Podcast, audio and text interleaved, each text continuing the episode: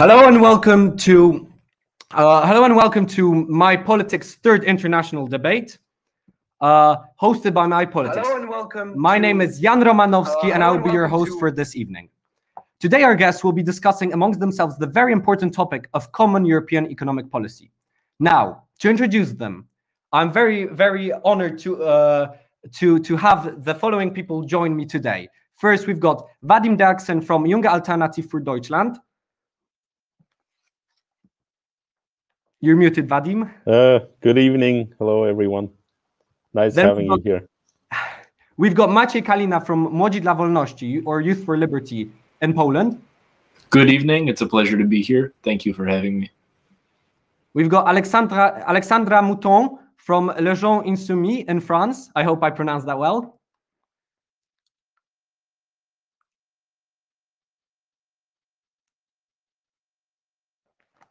We've got then we've got Jan Oruk from Dwars GroenLinks Jongeren in the Netherlands. Again, I hope I pronounced uh, everything well. Yes, well, I think you did a great job, and thanks, uh, thank, thank you for being getting us here. And also Marketa Plesnikova from Mlade Ano in the Czech Republic. Good evening, everybody, and thanks for this opportunity. Okay, to quickly go through the rules before we start, the debate will be uh, will consist of six sections. During the first four parts, the participants will answer questions that were uh, asked by the host. They they got to know them beforehand, uh, and each participant uh, participant will have approximately two minutes to answer each question.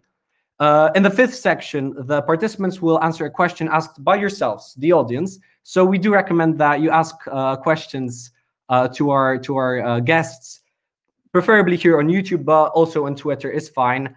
Um, and in the last section of the debate, each of the candi- uh, of the participants will have around two minutes to speak on a topic of their choice regarding European economic policy.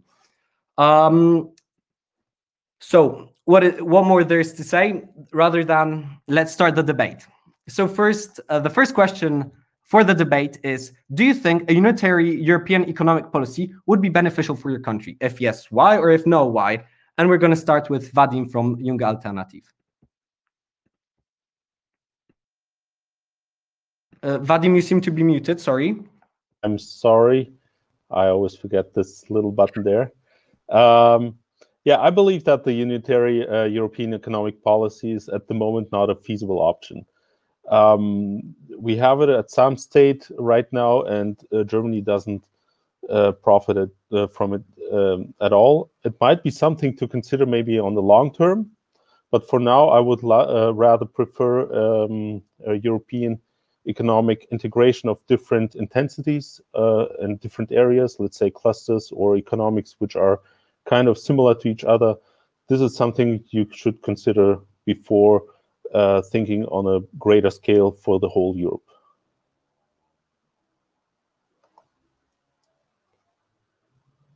So now you are muted. Thank you very much, Vadim. Yes, uh, the the the eternal problem of of live streaming. And now, uh, Marketa, if if you can answer the same question. Of course, uh, thank you.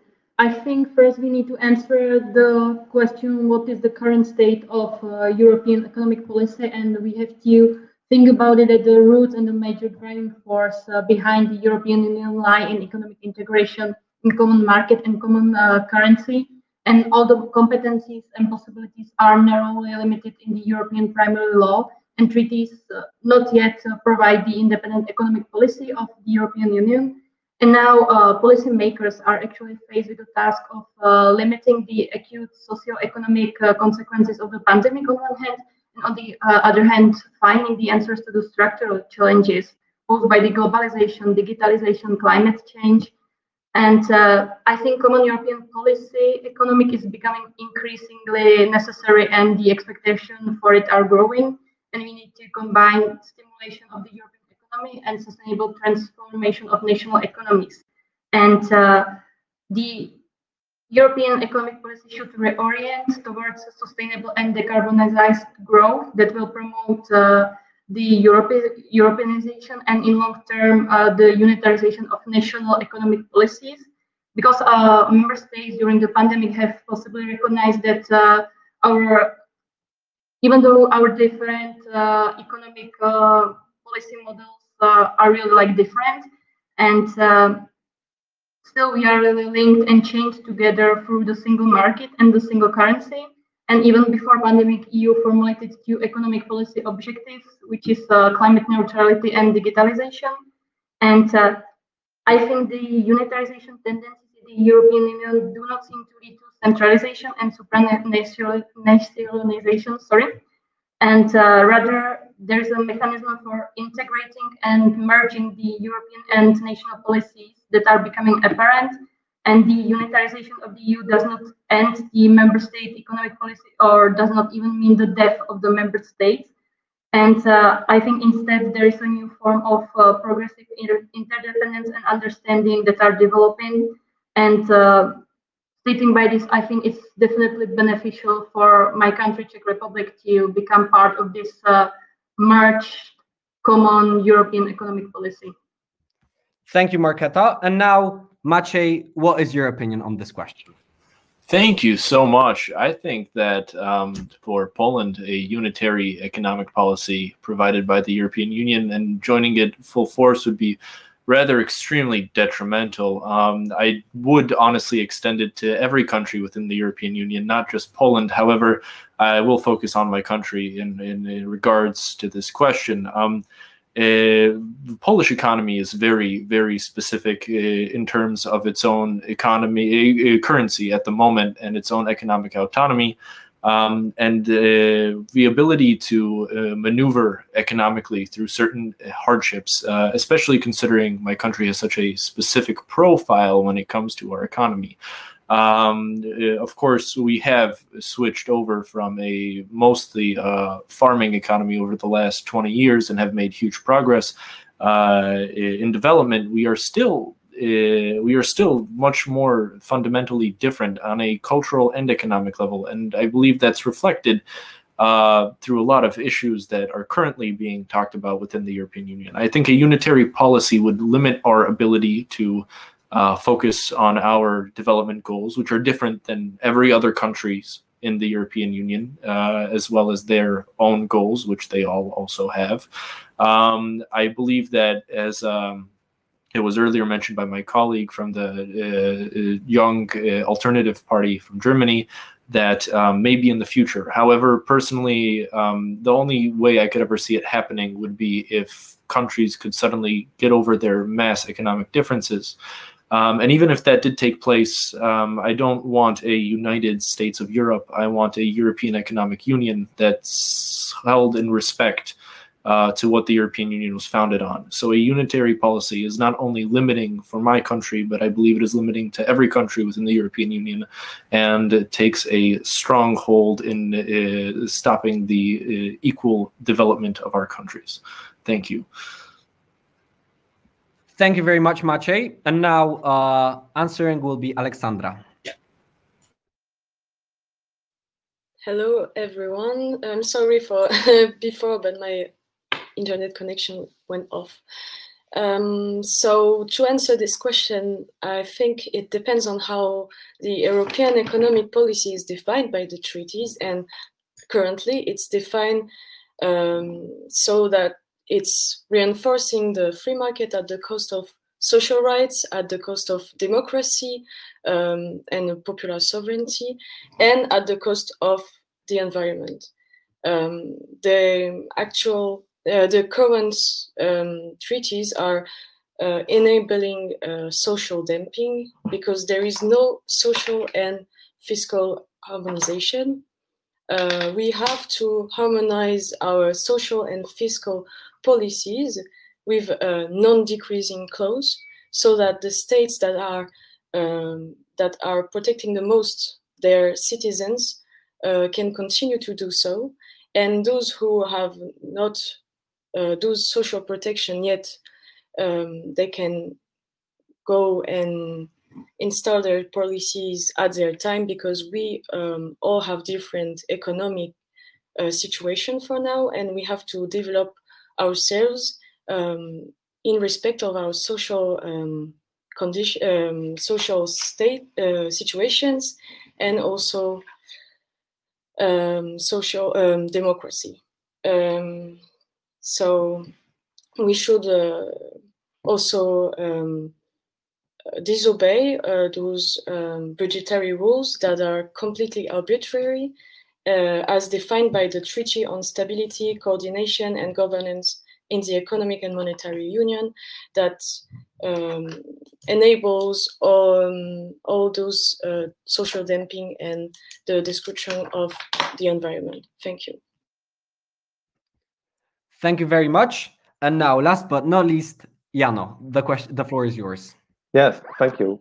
Uh, well, for Dwars, it is not a question of what your European economic policy you want, but it's more the question what kind of European economic policy you want. Because in our view, it's in much, much many, in many ways, it's already there. We have a European, we have the euro, we have the uh, European market, uh, and within such a market, uh, a common economic policy, at least uh, within some subjects, is just necessary uh, to manage it all because as we now know, now I think the euro is the most uh, most important uh, most important example of where European European economics is not working that good at all. And the problem is that we here have a common a common currency, the euro, but that we don't really have a common policy that is immer, yeah that is crucial uh, to manage euro well. And that's also something that we think led to the financial crisis because of the lack of a Europe, common European economic policy, which also made it really hard to get out of this crisis. And Dwars proposes uh, a European economic policy that works for everyone, it works for climate, uh, but also that works for all citizens. What we now think is that European economics is too much focus on multinationals, too much focus focus on the people that are already the well-to-do, as we can say. But there's not uh, but for most people, especially for people who don't have that much money, that much income, uh, or sense labor, are uh, are without. Yeah, it doesn't work. It doesn't work for everyone at this moment. And also, if you have a look at common policy when it comes to climate, uh, we know that of course economics have a huge impact on climate within the European Union and also worldwide. So in that sense, for us, it's not a question what kind, of what do you want your common European economic policy more what kind of European economic policy do you want? And we choose for a social economic policy that works for everyone. Thank you, Jana, for that. Uh, Maciej has uh, has requested a point of information and wants to refer to Janos' statement. Maciej, you have around 30 seconds. Yes, thank you. I will be brief. I just wanted to say, uh, first of all, there's no way to make a Europe unitary uh, economic policy that works for everybody when there's so much diversity, especially within Europe, and not to mention certain European countries. But on top of that, you mentioned the financial crisis. I just wanted to point out that the reason it happened wasn't because of a lack of unitary um, monetary policy, but a very flawed one led uh, by a total uh, fixed exchange rate and free capital flow without sovereign monetary policy, which literally was basically just the Washington consensus being forced over on Europe and this idea that if we all follow the same rules America did, everything will go great. So it was actually what you're saying that caused the, the, that uh, problem because the only country to avoid it was Poland, and that was only because we didn't have that unitary policy thrown on us. And Jana, would you like to refer to that quickly in around 30 seconds to one minute? Well, if we have a look at these kinds of, uh, for example, there were a lot of people without labor, without work. Uh, and also we know that economics in European Union are already quite integrated. Uh, so when tackling these questions, we don't think that we can see these separated. If economics, economics really work a lot together, if they're integrated, uh, then we cannot say that there's no common policy needed to solve that. So in that sense, yeah, I, I do quite agree on, on the monetary part of your story. Um, but to say that countries can solve it only on their own, also in economic sense, where they're so so dependent on each other, uh, doesn't really make sense. Really make sense for us.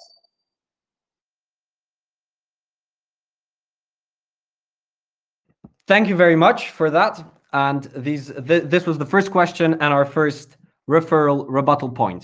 Now let's get into our the second question, which is there have been discussions in the European Union on introducing a European minim minimum wage. Should the European Union proceed with introducing this idea? If yes, How should it be done? If no, why not? And to start us off, Alexandra.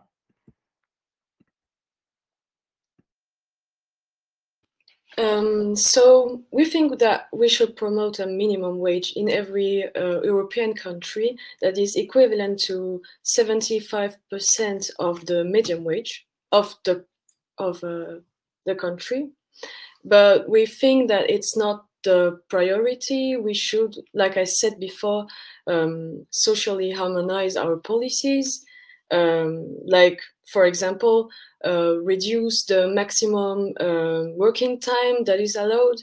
Uh, for now, it's 48 hours a week, and we uh, should um, reduce that. Sometimes even it can even go to 65 hours a week um, with all those um, things uh, that can uh, pass by. And we want a fiscal harmonization so that all um, the entreprise uh, can um, um, so that it doesn't make the social dumping. Thank you very much, Alexandra. And now the same question on the European mi- minimum wage, Vadim. Uh, yeah, it's a very interesting question. Um, I generally do not support a minimum wage because um, if you look at Germany, just at Germany, not at Europe uh, at the whole, we have now our minimum wage, and it is so um, counterproductive right now because we have so many wage levels even in our different states. Uh, if you know, we have about uh, 16, no, exactly 16 different states, and in East Germany we have a, a lower income than in uh, in West Germany, and the economics would um, has problems uh, with with uh, catching on in these areas. And how imagine just how massive the differences is in the EU member states, and how big the problems would be there if you raise. Um, yeah, and that's the next question: Do you want to raise to one level? or do you want to level it down like level down in germany and level up in uh, some other uh, east european countries which would help maybe them on the first uh, hand and in the right moment right there but um, would decrease the income in the western uh, european countries. So it doesn't really work. I don't see there any concept behind that, that which makes uh, totally sense to me. I, I think the economy should grow uh, on a natural way, and the wages will also grow on a natural way. Um, we see a shift of um, of uh, um, let's say uh, one word. um, uh, let's uh, a shift of wealth where um, the economy is less regulated. Let's say, and this is what I think is the best solution for Europe. Thank you very much, Vadim. And now, Jano, the floor is yours.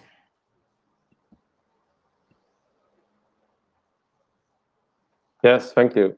Well, the short answer is yes, we are in favor of the European minimum wage. Um, but there are a lot of buts. Because uh, first, we know most European countries have a minimum wage, which is already quite, yeah, which of course we support. Um, but a minimum wage doesn't solve every economic problem. We know we also have a growing flexibilization within economics, also within the Netherlands, and that the youngest generation, our generation, uh, is probably the most flexible generation and the less, yeah, we can say less sure generation within current, the current economics, and maybe with current, yeah, in all the times. Um, but what what is difficult, of course, for us is that there is really left a difference in the level of prices through the whole European Union. And that also, of course, influences the level of the minimum wage. In that sense, it would also make it, in that sense, we see that it makes it difficult. And in that sense, um, for us, it is absolutely something that first should be regulated on uh, on country levels. But in the further future, when economic integration through Europe and labor market integration will continue increase, increase, increase, then of course it would be a good option um, to also harmonize it through the whole of Europe. Um, and in that sense, that's that's it's it's so it of course to summarize it. Yes, it is a good idea for us. It's absolutely a good idea, but it's for the future. And there are first other European economic problems to solve until we are there. Thank you very much, Jano. And now, Marketa, the floor is yours.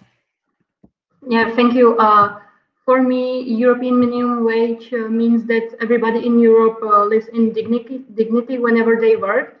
But because I think also during this crisis, during the pandemic, it showed that uh, many of those people who uh, or workers uh, that live in poverty, which is around 10% in the European Union, are on the front line during the crisis. It was the caregivers or health professionals or even a, cleaning staff. Uh, and uh, I think what is the first step is the implementation of minimum wage in all European states because now only I think like around 21 of the states have some form of minimum uh, wage and uh, the rest is done by collective bargaining.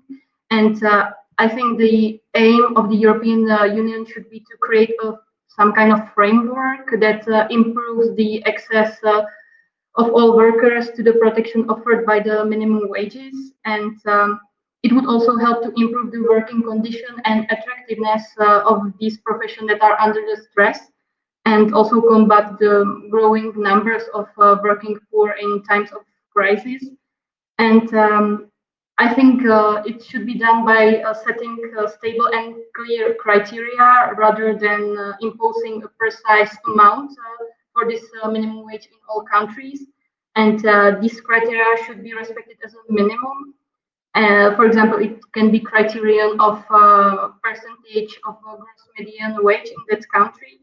And these indicators that should be selected should ensure a decent quality of life for workers and um, I think still like treaties recognize competence of each member state in setting wages, but there's some kind of space for commission, for example, to resort some flexible interpretation that um, wage is also part of uh, working condition. But on the other hand, we have to take into account that this uh, possible directive of the commission should not uh, jeopardize the viability of European businesses. Thank you very much, Marketa. And last but not least, Maciej, what is your opinion on a European minimum wage? Thank you so much, Jan. Well, to begin, I'd like to say that I think this is beyond a damaging idea for the entire uh, union. It is also extremely idiotic, and I mean that with the fullest respect. Um, there seems to be a unilateral misunderstanding between minimum wage and purchasing power um, higher minimum wages don't equal higher purchasing power, and higher purchasing power equals a higher standard of living. Just because we raise a wage doesn't mean people's lives will get better. In fact, no, it means there will be further economic consequences. It's a short term solution to a long term problem. Um, you can print as much money as you want, you can pay people as much as you want, but I don't want to end up like Venezuela or any other country that didn't take their monetary situations seriously any economist will tell you that uh, workers are a market just like anything else and it is a simple supply and demand curve. Setting a minimum wage not only limits the amount of uh, pay workers can work for because some people would work for less. Workers compete with each other. That's what they do. That's what keeps new industries going. That's what has innovation rise. It's normal. It's natural um, this idea that without minimum wage we would have people groveling in the streets for food is ridiculous because then in this wonderful uh, capitalist society we live in companies wouldn't have anyone to buy their products and that is another problem. Um, of course i realize that a lot of people may think that removing minimum wage can't solve anything because it hasn't but before anyone uh, responds to that i'd like to just point out that um, the fact is that it's the countries, governments, central banks that make money off of destabilizing currencies, which loses your purchasing power, lowering your standard of living. It is not the government's job, especially not the bureaucratic unions, which sits above the government, to beat down businesses and the free market in order for people to suffer at the hands of banks while millionaire elites, billionaire elites, I'm sorry, continue to make more money off of them. I mean, the fact is that the level of uh, misunderstanding of where the issue is is amazing. Um, uh, I see that I'm running out of time, uh, so I'll just say one last thing. It's that um, it's not the businesses that are your enemy. It's the banks, the elites, the corporate entities, and literally passing a minimum wage only helps them. Thank you. Thank you very much for that, Maciej, and this very lively debate on this question. And now, going on to the third question, is um, we're in Europe. We are currently uh, in the process of ratifying and introducing the next generation EU recovery fund uh, post the COVID 19 pandemic. And in your opinion, in what way should the next generation EU recovery fund encourage employment and participation of the youth in the post COVID 19 economy? And starting us off will be Marketa from Mlade ANO. Yes, thank you. I think it's like uh, in the name of uh, the institution or uh, the initiative, uh, like the next generation EU. So definitely now, I think it's a time to listen to us, to the voice of the youth.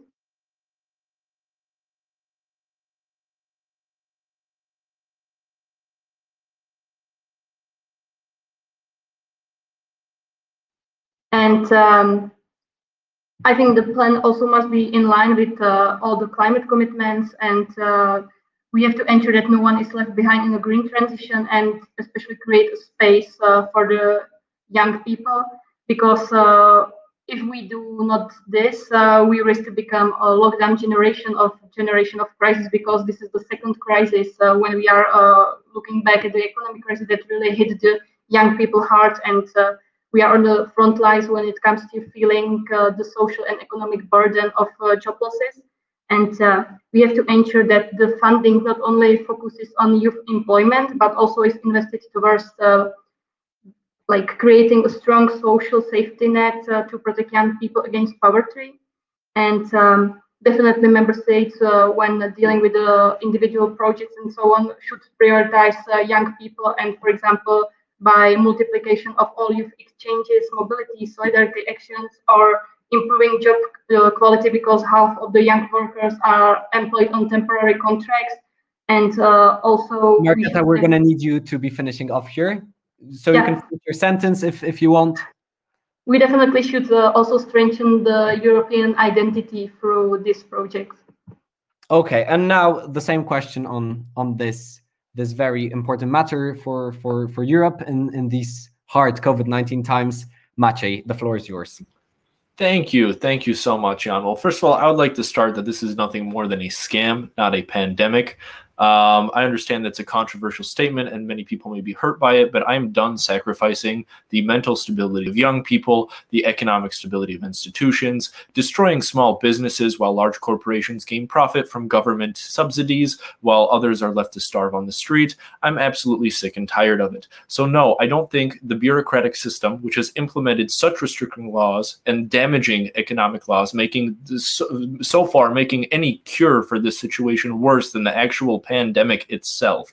The economic downfall that will happen over the next two, three years is still coming, and it's going to get worse and worse. And no taxed money taken from the pockets of hardworking Europeans and put back into the system is going to fix that, especially not through the hands of bureaucrats who have no idea how to disperse the money and on their on the uh, and and while attempting to do so will waste more than half of it on ridiculous items. It has happened before, it will happen again. It is an ineffective system. Taxes should be lowered, restrictions should be lowered, um, trade should be promoted, restrictions regarding the pandemic should be completely removed. Um, uh, there there should be no enforcement or limitations based on vaccinations. It is an absolutely horrific system that we are looking at right now. Any money that is already registered to helping countries should be di- dispersed at the lowest economic level, that is to the smallest counties and principalities, for their governments decide what to do so with. But at no way should the national systems at any point anymore be deciding what to do with this money because they have proven from the beginning they are incompetent and they have created such a problem all over the world that it is absolutely unprecedented and trying to fix it will not and we should not trust the same people to fix the problem they created. Thank you. Goodbye. Thank you very much uh, thank you very much maciej. And now the same question to you, Alexandra. So um, we think that this system is not really fun. Um, the next generation EU recovery fund will be no use to people in Europe uh, because the payment of those European funds are always determined by uh, structural reforms, um, such as we have seen in France, uh, la liberaliz liberalization of the train or the installation of the competitive pitch in the energy sector that always have an influence on um, social workers' situation and also the environment. And we think that all those funds uh, we have to um, uh, they have to be determined by social and ecological and even dem democratical criteria um, that are defined uh, by everyone in Europe. And uh, we should stop giving money to uh, large companies without any conditions uh, because they are not creating any um, work, they are just keeping the money. Um, and I think that we should, uh, in general, um, completely change the, the current system uh, democratic system in Europe. And uh, we also think that, for example, uh, if um, we can't uh, renegotiate all the European treaties, we will disobey if we get uh, the power in France. Thank you. Thank you very much, Alexandra. And now, uh, the question on on this recovery fund, this common thing for all of us Europeans, uh, will be uh, uh, the the next person answering will be Jano. Jano, the floor is yours. Yes, thank you. Well, what for us is really important is how the money is spent, and of course how it uh, goes to young people, or indeed, or it goes to the multinationals. Because as we all know, our generation uh, is maybe the, it's the less, uh, yeah, it's the generation that doesn't know sure if they will get better than their parents, and that's a problem. And that's a problem. But also, this generation also face a lot of flexibilization, a flexible economy, uh, with not a lot of with not a lot of sure, secure jobs. The only flexible jobs, like for delivery, are really popular. And these are hardworking people. Just the hardworking people that also don't get the money that they deserve, and that's just because the market is failing to allocate this money to them.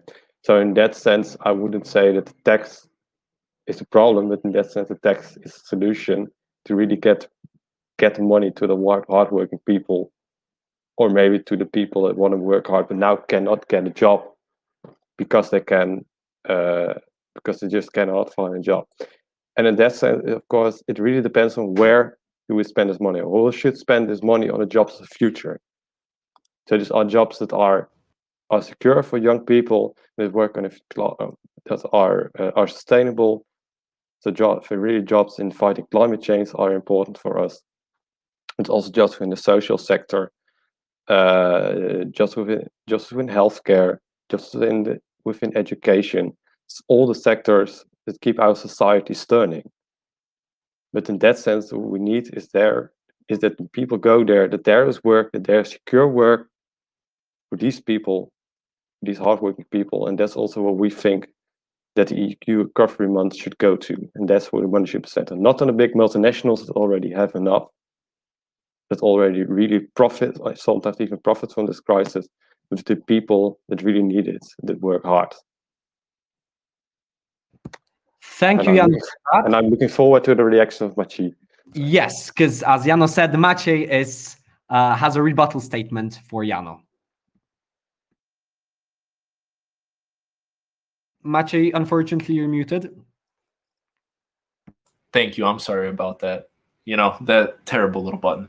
All right. Yes. As I was saying, uh, thank you for letting me uh, respond. And I just wanted to ask at what level does the institution that has been so careless and incompetent in handling this situation, uh, what makes you positive that it in any way will be capable of giving hardworking people uh, money. So you're saying that the very same institution that has caused this intense problem is going to take money from other places, from other people, and get it to the hardworking people who its lives it ruined by creating this situation.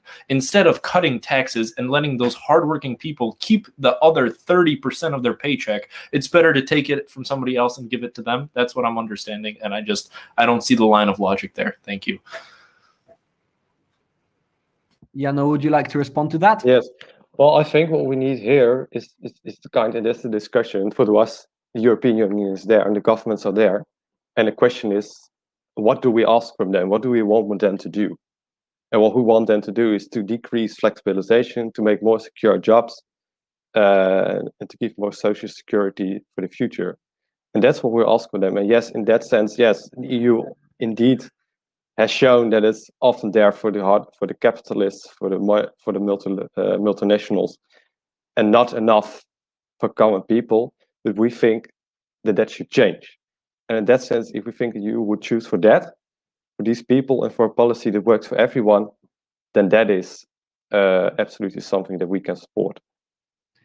I see Maciej would like to respond once more. This is one opportunity throughout the debate where he can respond one, one, once, once, once more. So the floor is yours again, Maciej. Around 30 seconds to a minute for you.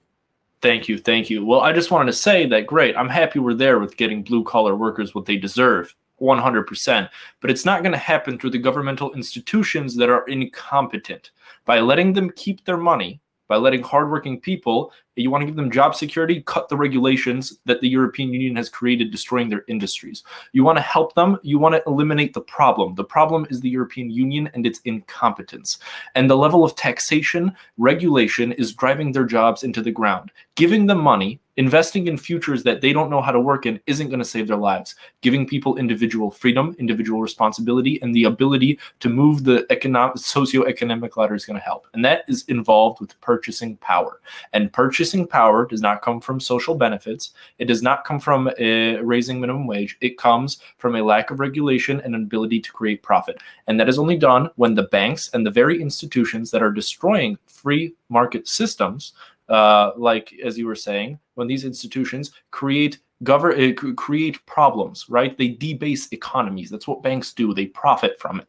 And what they do when Actually, they profit be is they coming to an end here please. collar workers. Thank you. And again, Jano, 30 seconds for you if you wish, unless uh, you're going to pass. Oh, so to keep it short, well, I think we can continue entering these circles because Maciej is seeing uh, the European Union as a problem at all. Well, I see the policy as a problem. So if the policy of the EU hasn't always been good, absolutely, I totally do agree in that. But then we choose for a better policy and not to abolish the European Union. And that's the choice that we made. We're choosing for the future instead of abolishing everything that has been that has not been working in the past. We want to choose for something that works for the future. Thank you very much for this lively debate and several rebuttals between Maciej and Jano. And now, just to remind everyone of the question uh, before Vadim uh, answers, the question was: In what way would the ne- uh, would the Next Generation EU Recovery Fund encourage employment and participation of the youth in the post-COVID-19 economy? Vadim, the floor is yours.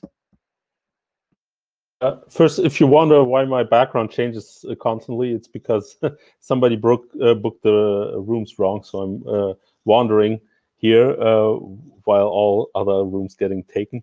Um, Maciej, I have to agree on many points uh, with you.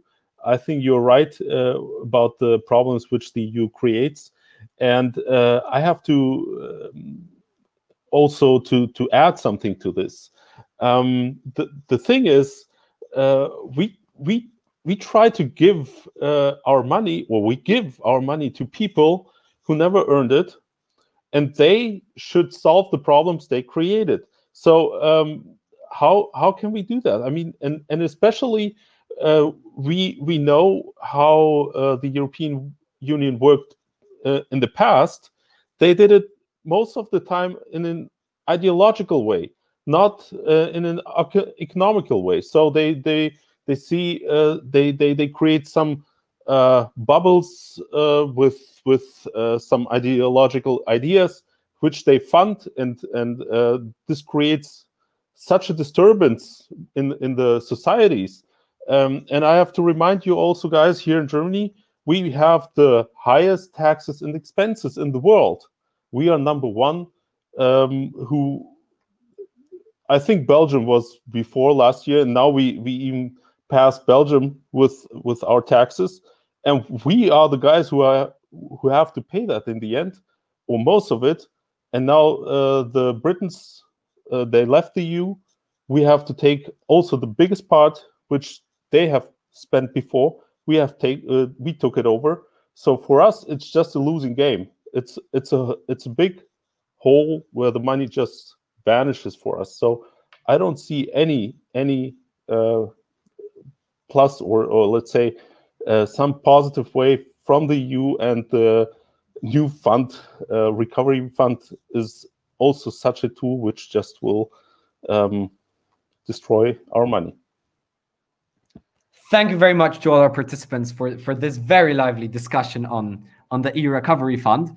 And now the fourth question, so the last in the scene questions round uh, and these sections is, is a very short and simple yet very important, one of the most important questions for all member states of the European Union. Namely, should all EU member states be forced to join the Eurozone? Should we make all future members as well as current members come uh, come and start uh, and replace their current currency with the euro? Uh, first up, we've got Jano.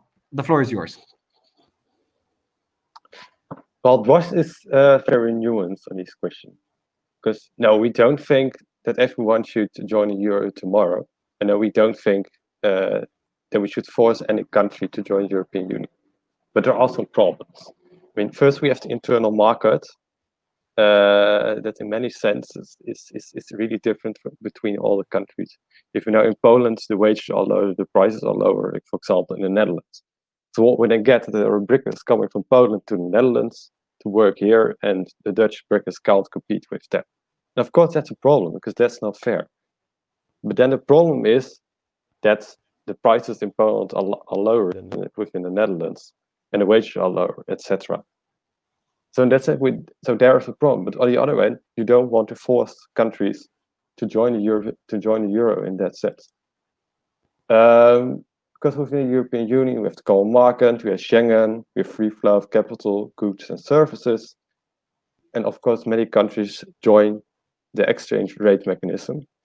So in that sense, we think that uh, joining the common market should at least go together with an exchange rate mechanism.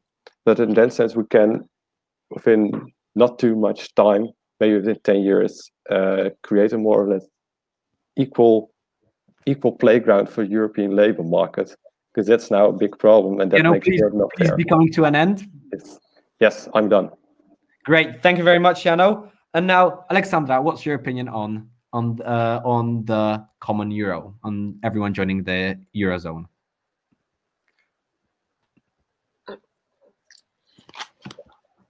Um, so uh, we think that we cannot force members uh, or future member states to join the eurozone because think we think that for such an important decision, it's anti-democratic. Um, every country should decide by referendum, for example, such important decisions because we we believe in self-determination. Um, merci. Thank you very much, Alexandra. Uh, and now uh, I'd just like to remind all of our audience that we're uh, taking your questions for our participants in the next section. So so don't don't be embarrassed, don't be scared. Ask ask ask away, and I'm I'm sure our guests will be more than happy to answer your questions and any of your queries. Uh, and now, Vadim, what's what's your opinion on the eurozone? Uh, if uh, yeah, I would like to uh, add also to Alexander's point something. Um, not only the country itself and the people of some country should uh, decide by itself and in a democracy, uh, democratic way, but also the uh, existent countries who have the euro already, they should also uh, decide whether they would take one country uh, into the eurozone or not. Because in the end, um, what we saw for example, again, Germany, uh, the the economy of Germany is way stronger than the economy of uh, Greece.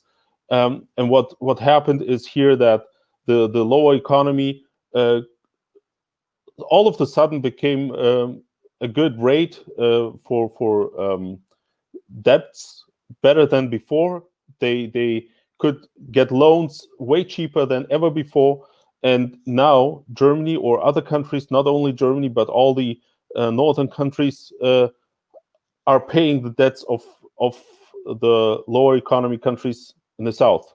So this is what uh, destroys Europe. I think. I think uh, you cannot force people into Europe uh, or the Euro, uh, European um, the, the the eurozone.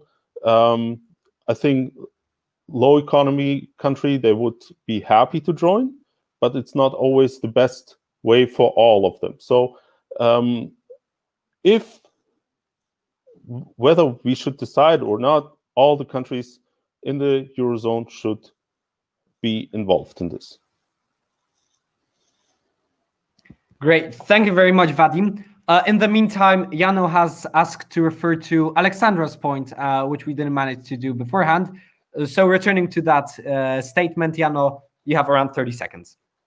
Yes, Alexander, you mentioned that you wanted uh, to have a referendum within every EU country before joining uh, before joining the euro. And as you know, this hasn't happened in any country that's joined the euro yet. And I think that there are now about 18 countries what should they do? Should they still have a referendum, or should we keep it like this uh, and continue to the future? And what if these countries would get out of the euro? Well, how would we solve this many disadvantages that it would cause? Alexandra, would you like to to answer? Um, yes, um, I just didn't understand. So, if whether we uh, have a referendum in every country or what? I didn't hear what you said. I'm sorry. Yeah. May I? Yes, yes, yes, of course. Yes. Well, for example, France is already in Europe, but never has had a referendum on it. Should we still do that? And what if the turnout will be that France will want to leave the euro? How could we solve these these economic but also social disadvantages that it would cause? Yeah, for example, in France, we have we already have euro, and there was a referendum about it, um, which um, people decided to have euro at the time.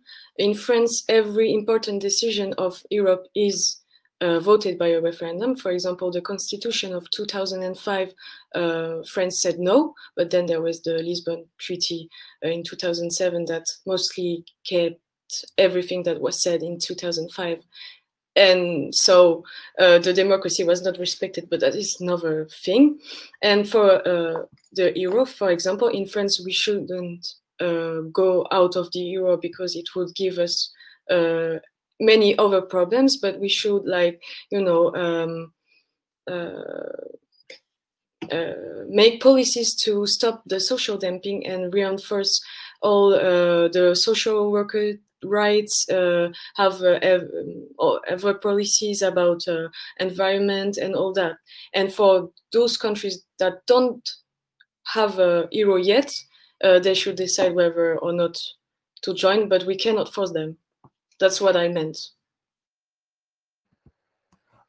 Thank you very much for that to, to Jana and Alexandra. Uh, and now, Maciej, just to remind everyone and yourself what the question was should all eu member states be forced to join the eurozone the floor is yours thank you um, thank you so much honestly it would not surprise me if the democratically def- if a democratic deficit uh, monster that is the European Union were to force something upon its member states like this, or at least bully them into it through policy.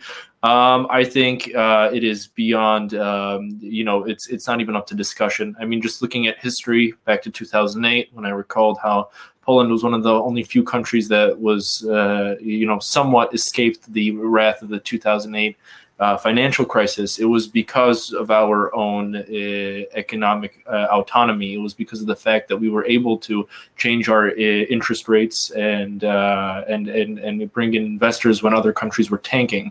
Um, the the unitary uh, policy and the eurozone, which is driven by a unitary policy because it is driven by a central European bank comes with the fact that we are losing our entire national economic autonomy. How and what we do with our money is still our up to us to some extent, but we are completely uh, losing the ability to bring in or lose investors. I think it's too big of a piece of the autonomy of peoples who especially came from post-communist countries and have and know what it's like not to have their own economic autonomy uh, to even propose this kind of idea. I don't think Poland belongs in the eurozone. I don't think it has any chance in the eurozone. I think it would be damaging for my country, for the people here.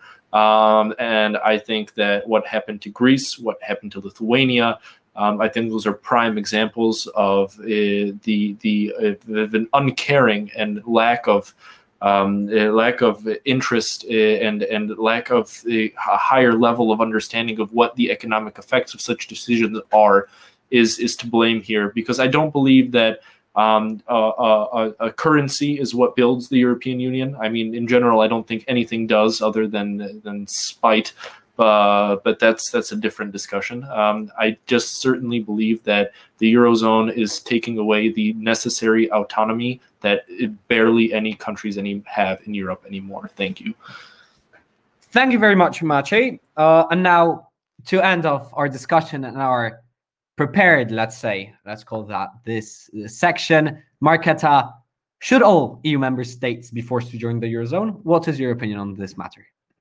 Well, uh, my opinion is that uh, we are already obliged to join the eurozone, but there is no set time frame when the countries should join. And now I will talk from Czech perspective because we are also not part of the eurozone, uh, the same as Poland, for example. And still, like uh, for years, we have met uh, some of the uh, Maastricht criteria. Now we fulfill only one but uh, the topic of euro is uh, not only like fiscal or monetary issue in Czech Republic, it's also like political one. And uh, the popular support for euro uh, among the Czech citizens is around 33%, one of the lowest uh, in the European Union. And there is a huge uh, distrust and contempt. It's more issue of sovereignty and the euro become some kind of like synonymous uh, to the debacles of the euro uh, during the crisis or the Greek crisis. And uh, we as Czech really like pride ourselves in our independent monetary policy. And um, like we really love Czech koruna, which is our currency.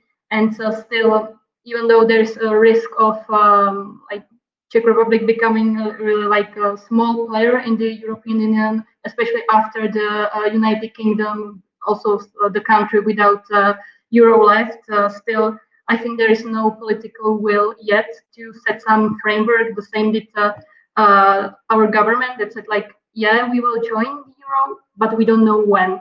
So I think there should be definitely not like forcing uh, us to join the eurozone, but more like creating really attractive and stable framework of the euro because uh, the eurozone is it's not the eurozone that uh, we sign up to join when we were joining the European Union. A lot of things happened, and now I think we should more focus on the reform of the European Union or the eurozone, and then like uh, we should definitely join by the will, not by the force. Thank you very much, Marketa. And uh, before we end our uh, section, yet again, Jano has a rebuttal statement and a question uh, to to Maciej. Uh, let me apologize for that for these slight technical issues uh, where we skip one one participant. But uh, Jano, the floor is yours. You may ask your question to Maciej. No, no problem at all. Let's solve that. Yeah, Maciej, you mentioned the European Union, in your view, is not that democratic, but that a bit surprised me. Because as far as I know, the countries are sovereign and the EU isn't, and the countries choose to be within the European Union and not the other way around. Moreover, we have the European, uh, the European Parliament that's chosen by all European citizens. And also we have within a lot of uh, subjects, there needs to be unanimity between all the countries, which sometimes makes it really difficult uh, to make decisions. So what does for you make the European Union undemocratic? And if you don't agree on that, why don't you get out? Okay, so I'd like to start by asking you, Juno, do you know how the legislative process step by step works within the European Union? Well, I know that it's it, it's really difficult, and there's a lot. There are a lot of steps. Yeah, yeah. So I recommend looking at the specifications because it's something I studied at university. I'd like to tell you right now that just the process by itself should be at least to some level concerning. Um, uh, it, it is extremely revised and sought through national parliaments, but the fact is, like you said, only the parliament is elected by the people. Outside of that, it's appointed ministers, councilmen from individual governments that no longer uh, have to represent the same standards that the parties who were chosen and elected uh, to, and then chose them to uphold. That democracy is lost through the process. Um, on top of that, we have the fact that the Democrat that the but, but, but this discussion is about monetary policy, so I'll try to keep it short to that. The fact is that when it comes to the European Union, um, it has shown that through regulations and restrictions, it can pressure members to do what it needs. That is not democratic. It is. It, it moves along the sides uh, of follow our ideology, follow our thought process, or we will have economic um, uh, consequences. Mate, If please this- coming to an end. Of course. If it's through anything else, I think just the fact of such an authoritarian hand completely undermines any any democratic pillars that the that the European Union could uphold on its own. Thank you. Jano. Any any response from you, or should we go to the next section? Well, Dwars thinks that uh, that the European Union. Well, we can of course stop with European Union. Of course, it's a choice of all countries to be inside of that. And if Poland doesn't like that, they can get out. And Britain showed that that's possible. But in that sense, if we don't have European Union, there's still a kind of independence of countries. And that's when we have a European Union, there is a kind of democracy that might get that we might uh, should make better, but there is democracy. And when, for example, with when we have something like the United Nations we can work together, there's not anything that can be chosen by citizens directly. So in that sense, I think European democracy should be enhanced. Um, but I think it's still harder to have a kind of international democracy than not having anything and just letting it to international institutions citizens absolutely cannot influence. Thank you very much, Jano. Uh, and we're going into uh, the next section. You still have I'm time. sorry. Do I not get a re- do I not get a rebuttal? Uh, if you, 15 seconds for you, Maciej. All right. I don't know what kind of uh, I don't know kind of inclusive mindset that is, but that either you get it with us or you get out is the exact reason. It's the exact mentality that the problem is. That's what I'm talking about. That exact thing you said at the beginning. If you don't like it, leave. So what? We are supposed to be, you know, I'm all down. If we could just stay with Schengen and some basic common security policies, that'd be fantastic. I'd be 100% down. But the fact is, it's not possible in this climate and market run by uh, by hegemonic European banking institutions that beat down and destroy autonomy within its union. Thank you.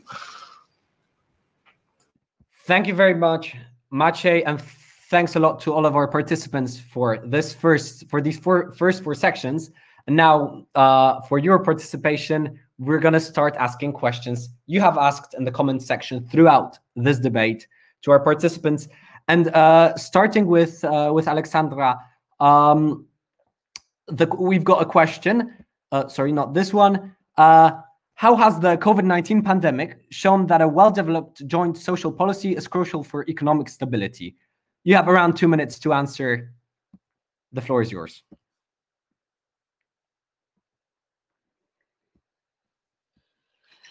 Um, so what we have seen with um, the COVID-19 pandemic um, is that all the poverty, um, um, everything, uh, all the unemployment and everything was increased by uh, this pandemic and that all the social policies um, are were not enough. Um, when uh, you see like in France they uh, have used the um, pandemic to close uh, industries and to uh, make them to another country uh, where Europe and our government gave them money and sometimes they go to uh, Poland, Turkey and stuff.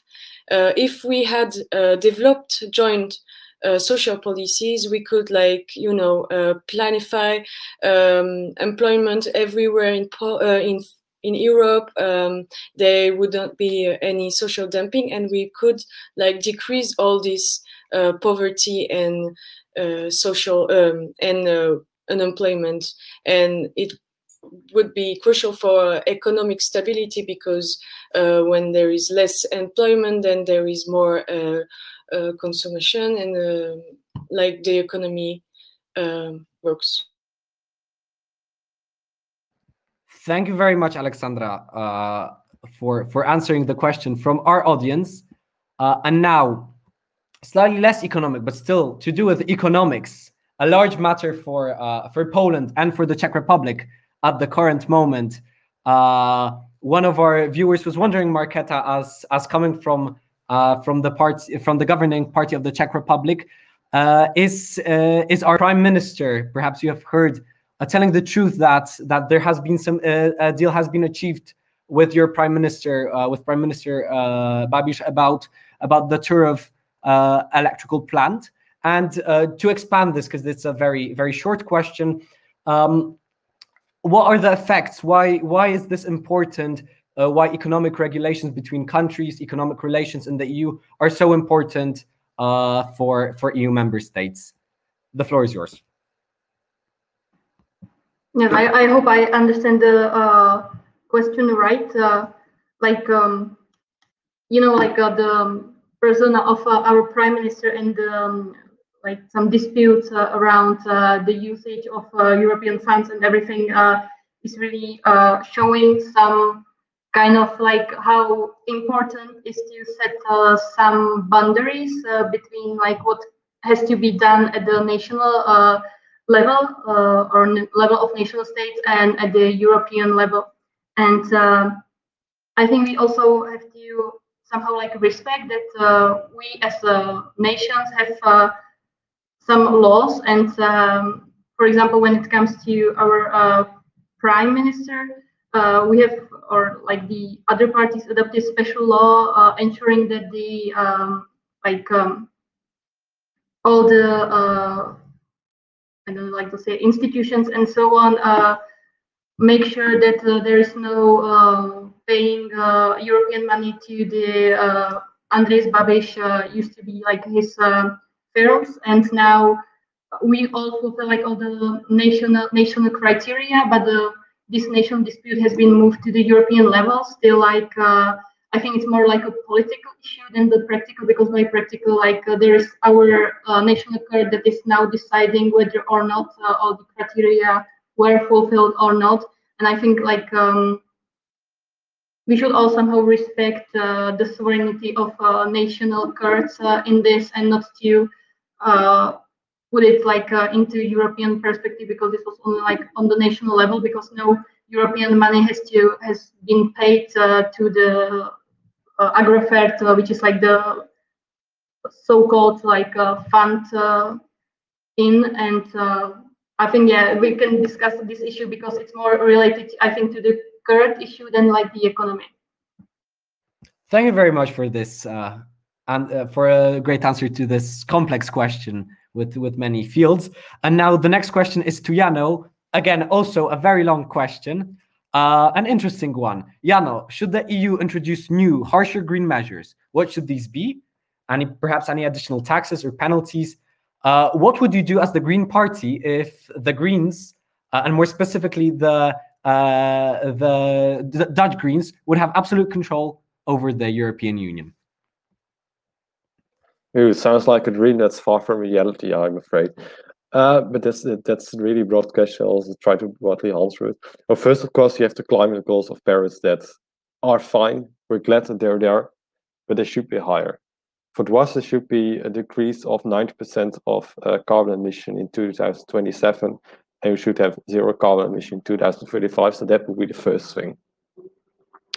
Uh, the second thing would be to really invest in a social climate transition because we know that there are sometimes for some for some people it's really much harder uh, yeah to behave to, to, behave in a way that's climate environment friendly than for other people so also we need funds to get out of it. And another thing that has to change is the common agricultural policy of the European Union.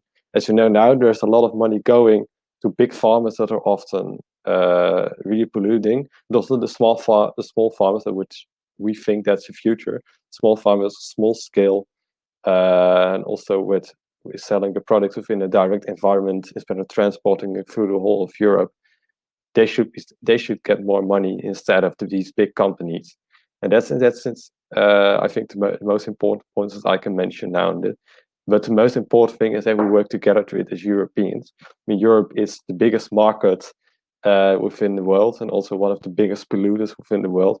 So if we can take serious steps and can be uh, an example for the rest of the world, I think that would also absolutely absolutely work well. Thank you very much. And I see Maciej would like to offer a rebuttal to Jano yet again. Is that correct, Maciej? Yeah, of course. Thank you. So please, the floor is yours. The next minute. Yeah.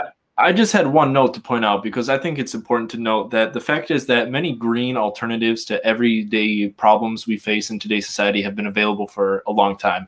If it's hemp instead of tree logging, if it's other uh, alternatives uh, for renewable energy. The fact is that it's not individual people like you, me, or your neighbor who's destroying the environment by drinking from a plastic straw. No, it's multi billion dollar corporations that make uh, so much money that they not only uh, crowd pack and fund politicians, uh, that later win and blame it on people like us so they can continue with what they want. Taking money from the European Union and funding new projects isn't going to motivate those companies creating the problems. It is a corrupt and disgusting institutional system that doesn't care about you, me, or the environment. They just keep saying that they do so that we continue to put them in power. If we want to make a difference, we have to do it at a local level responsibly without the big guys' help because it's up to us, not the government. Thank you.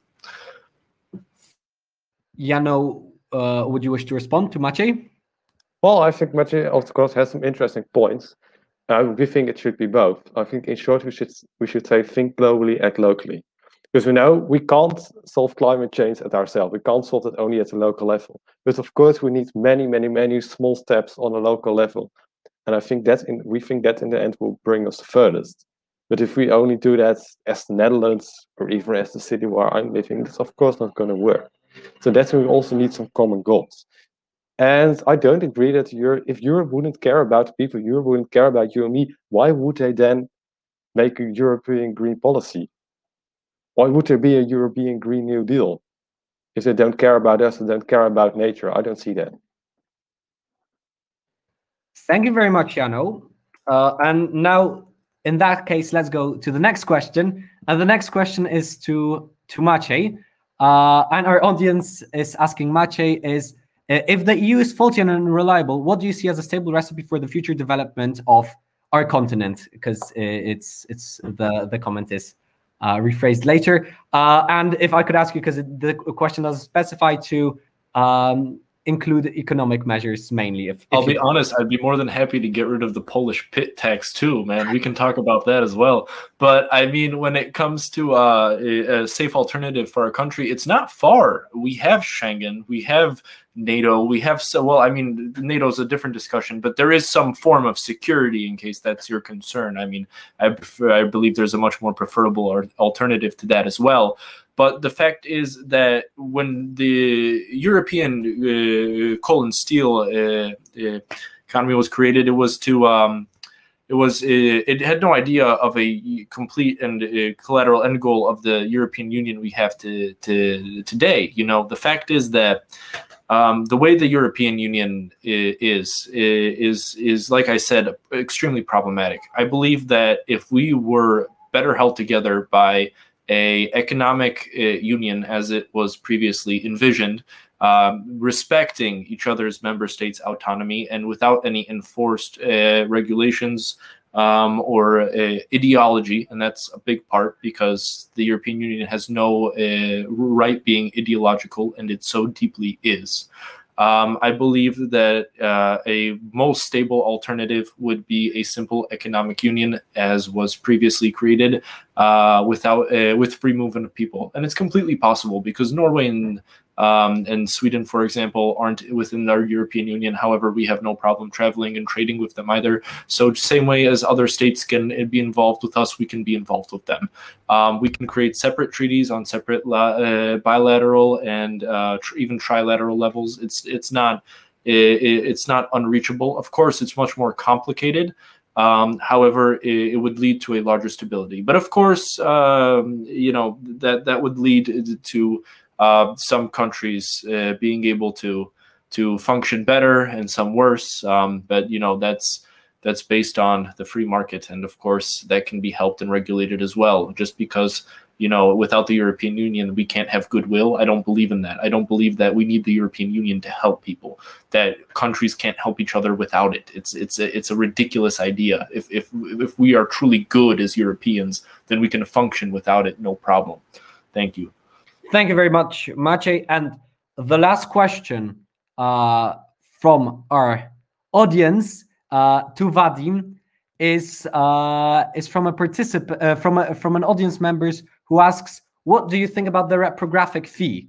Uh, and the the other term for, for audience, the other term for this would be also the private copying levy. Vadim, the floor is yours. Um, reprographic fee. What exactly uh, do they mean by that? I mean, uh, for uh, the for the environment, or what is exactly meant? I, I mean, I'm I'm I'm generally against uh, taxation. Um, just to clarify, so perhaps because yeah. this may be unclear for yourself and many of our viewers, just to read a quick definition: a private copying levy is a government-mandated scheme in which a special tax or levy is charged on purchase of recordable media. Um, so it's uh, it's all to do with uh, with copyright. Quite, quite okay, so okay. Um, uh, so you mean like uh, okay? Um, this this sounds like like a flat rate on tax. Let's say, uh, is that something uh, what we're talking about? Um, Sorry, could you could you repeat? Like a flat rate on tax, like everybody pays the same. No, no, it's it's it's essentially a tax uh, on or uh, additional tax, indirect tax on recordable media. Uh, so data storage, so for example, CDs, camera phones, oh, okay, and drives, etc. Why would I? I don't get the question, but I, I don't I don't uh, understand why we should should pay that, or what, what's exactly the meaning of the question. I'm sorry. Um, in general, but but let me respond maybe uh, uh, also to, to the previous question um, about the CO2 and so on, and and and what um, yeah, not um, the Dutch guy said. Sorry, I don't see your name right now. Um, China, for example, and this is what nobody mentioned here before. China um, has the biggest carbon emissions combined with all other industrial nations. Germany, for example, or let's say the European Union is way far behind uh, other, um, uh, far behind the US and China together. So I don't see any necessity of the European Union to to to uh, create the biggest policies, the biggest taxes on that. Um, why should we um, put handcuffs on our economy, let's say, and and uh, slow ourselves down while others are just pushing the economy extremely high, like China. Why should we do that? Uh, it's yeah. Thank you very much. Uh, some hard questions to our participants were asked by our audience, but we we don't expect anything less from our from our lovely uh, lovely audience uh, from the My Politics family.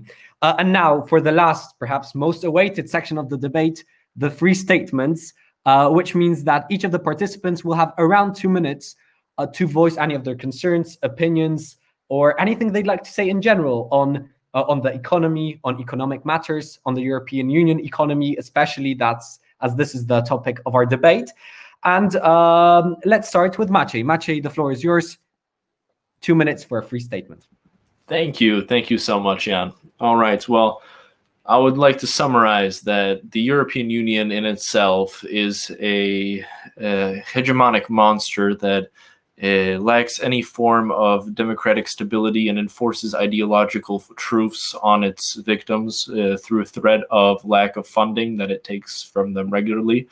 Um, I believe that one government is bad enough, so having two over your head is quite worse. When we look at uh, Poland, especially, or any other country in the European Union. Actually, it doesn't have to be Poland. Um, I don't believe that any social programs help people. Um, I believe that it is a small amount. Why would you take five thousand in taxes from somebody who makes uh, fifteen? Uh, just to give them back another thousand through social programs. Same at a smaller level. If somebody makes twelve hundred a month, taking four hundred from them and giving them five hundred isn't really a difference, is it? No, it's just uh, it's just a way of forcing people to rely on their governments and make them think they're necessary. Uh, of course, governments in some form authority is necessary. However, individual freedom and responsibility is what drives our peoples forward. Europe was built on a certain set of foundations, rules and ideas. Europe uh, and European peoples have their own uh, ideas as well. Um, it was a set of values, norms, and rea- the t- reality of the times that made Europe what it is today. We are basically the leaders of the world in regards to culture and economy as a whole, obviously. But as, sing- as uh, on our own, we can be weak. Uh, but the fact is, there is no such thing as a European Union that anybody is scared of. Um, the world doesn't really look at themselves dealing with the European Union, but with individual countries. Um, I don't want to live in a world where it becomes a single hegemonic uh, United States of Europe. That seems like a nightmare. Uh, the individual freedom of each country and the people there is the most important. Just like countries shouldn't have to pay the European Union for them to get funds back, and by and and in, and by getting their money back, also be forced into an ideology they don't agree with. I don't believe that local governments should uh, force uh, ridiculous taxes on their people. Thank you very Thank much, you. Maciej. Thank you very much. Uh, and now, uh, Alexandra, the floor is yours. Two minutes on a free statement.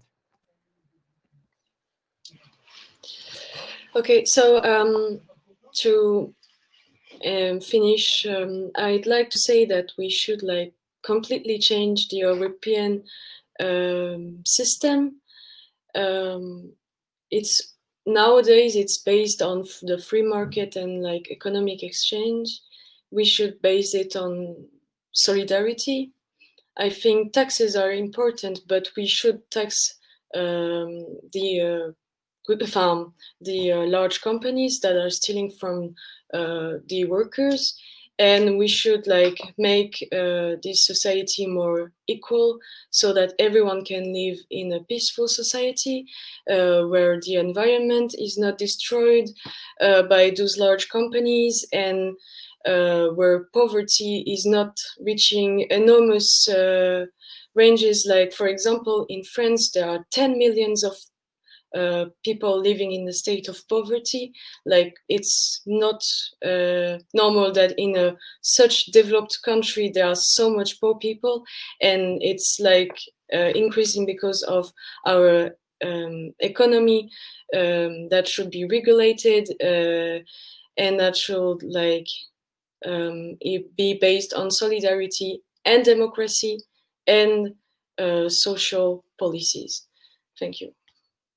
Thank you. And uh, Maciej has voiced uh, a point of information, wants to refer to Alexandra. Maciej, the one. The yes, Alexandra, I just wanted to say that concerningly sounds like a communist utopia. Um, just to point that out there to be realistic.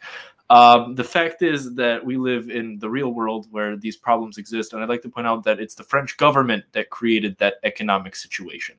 Um, it's the French government that caused it. And, you know, more government I, I'm just I'm just baffled that somebody thinks that you know some government caused something. It caused a huge problem with its regulations, with its uh, elitist opinions on day to day life, and getting involved in places where it has no involved, and looking at this huge problem and thinking that more government is the answer.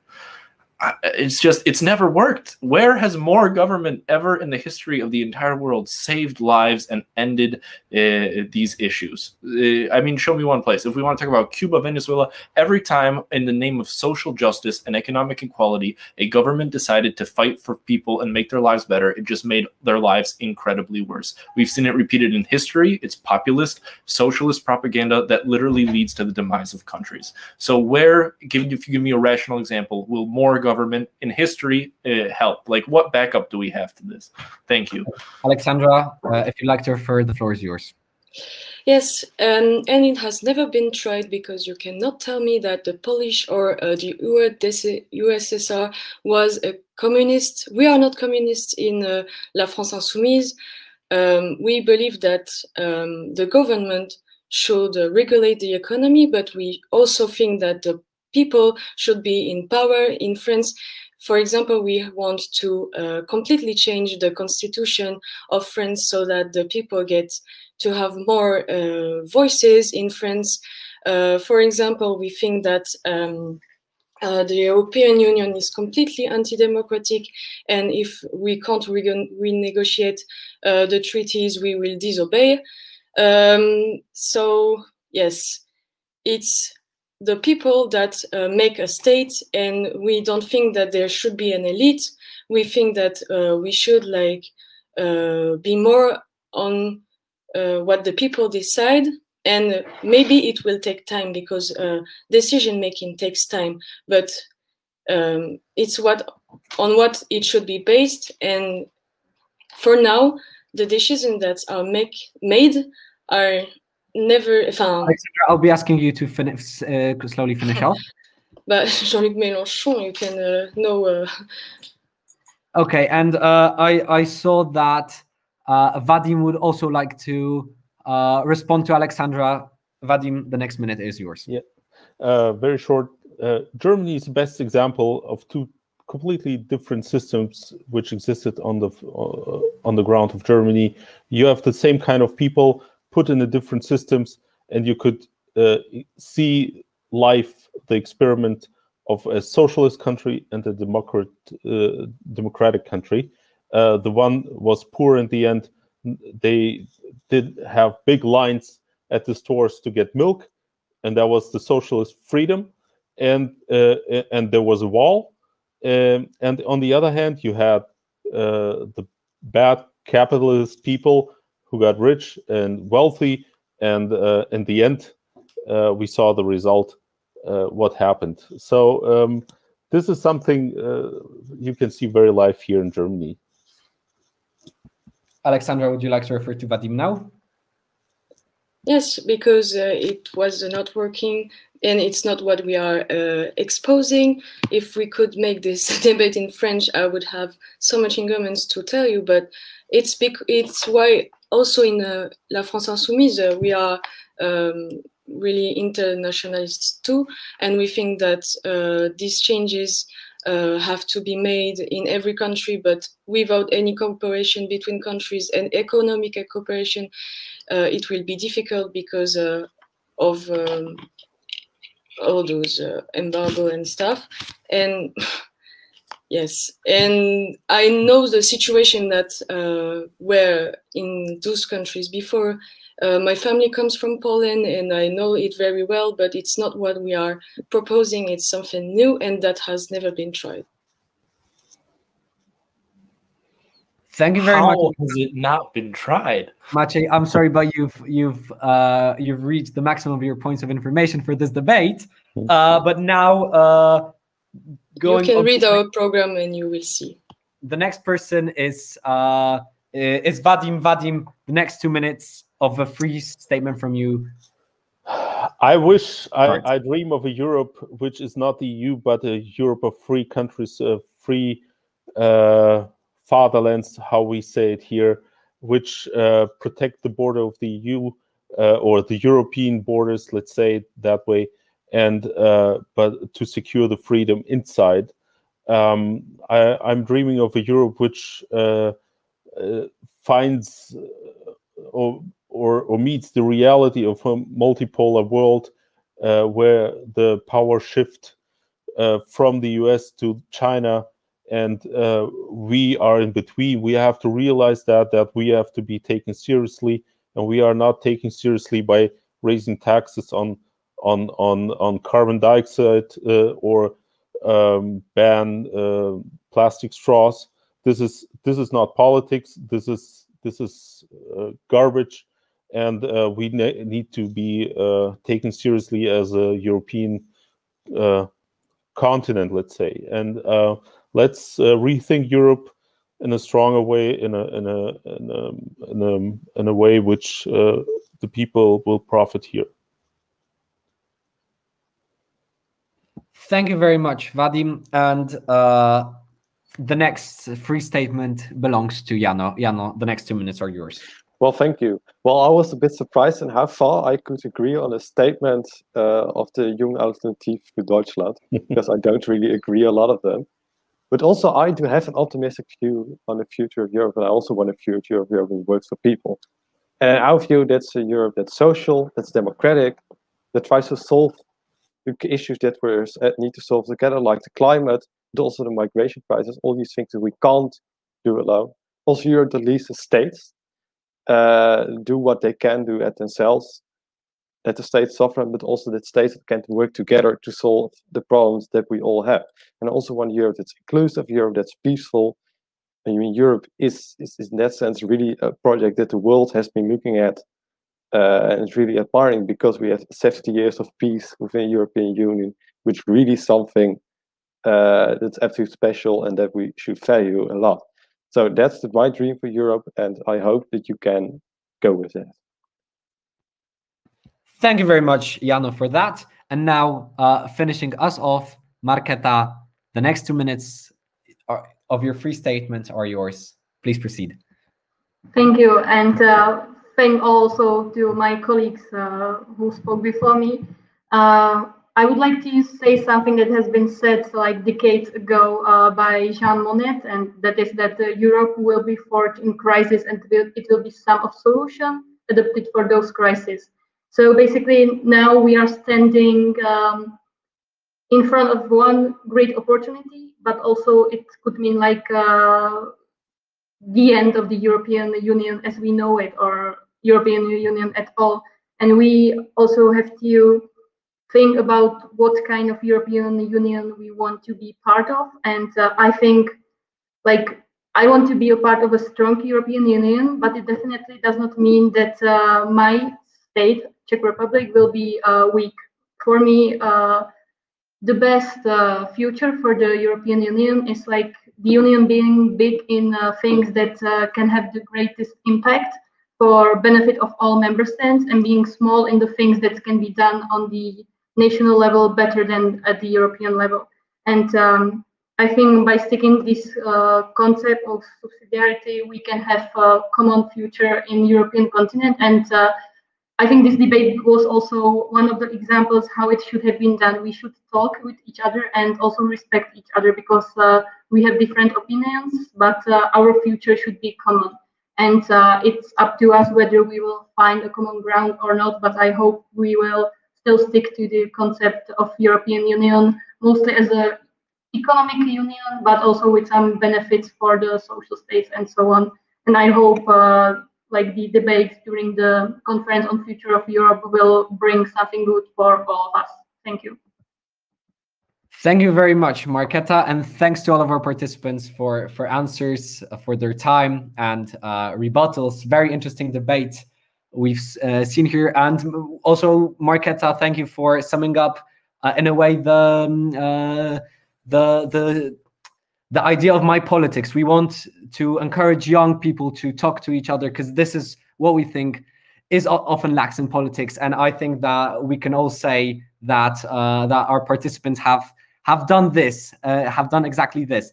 Um, just before we end, I'm going to quickly switch to Polish uh, and talk about our plan. Dziękuję bardzo Państwu za oglądanie.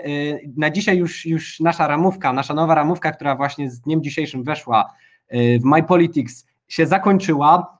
Dzień z MyPolitics się zakończył, ale zapraszamy już jutro o godzinie 17.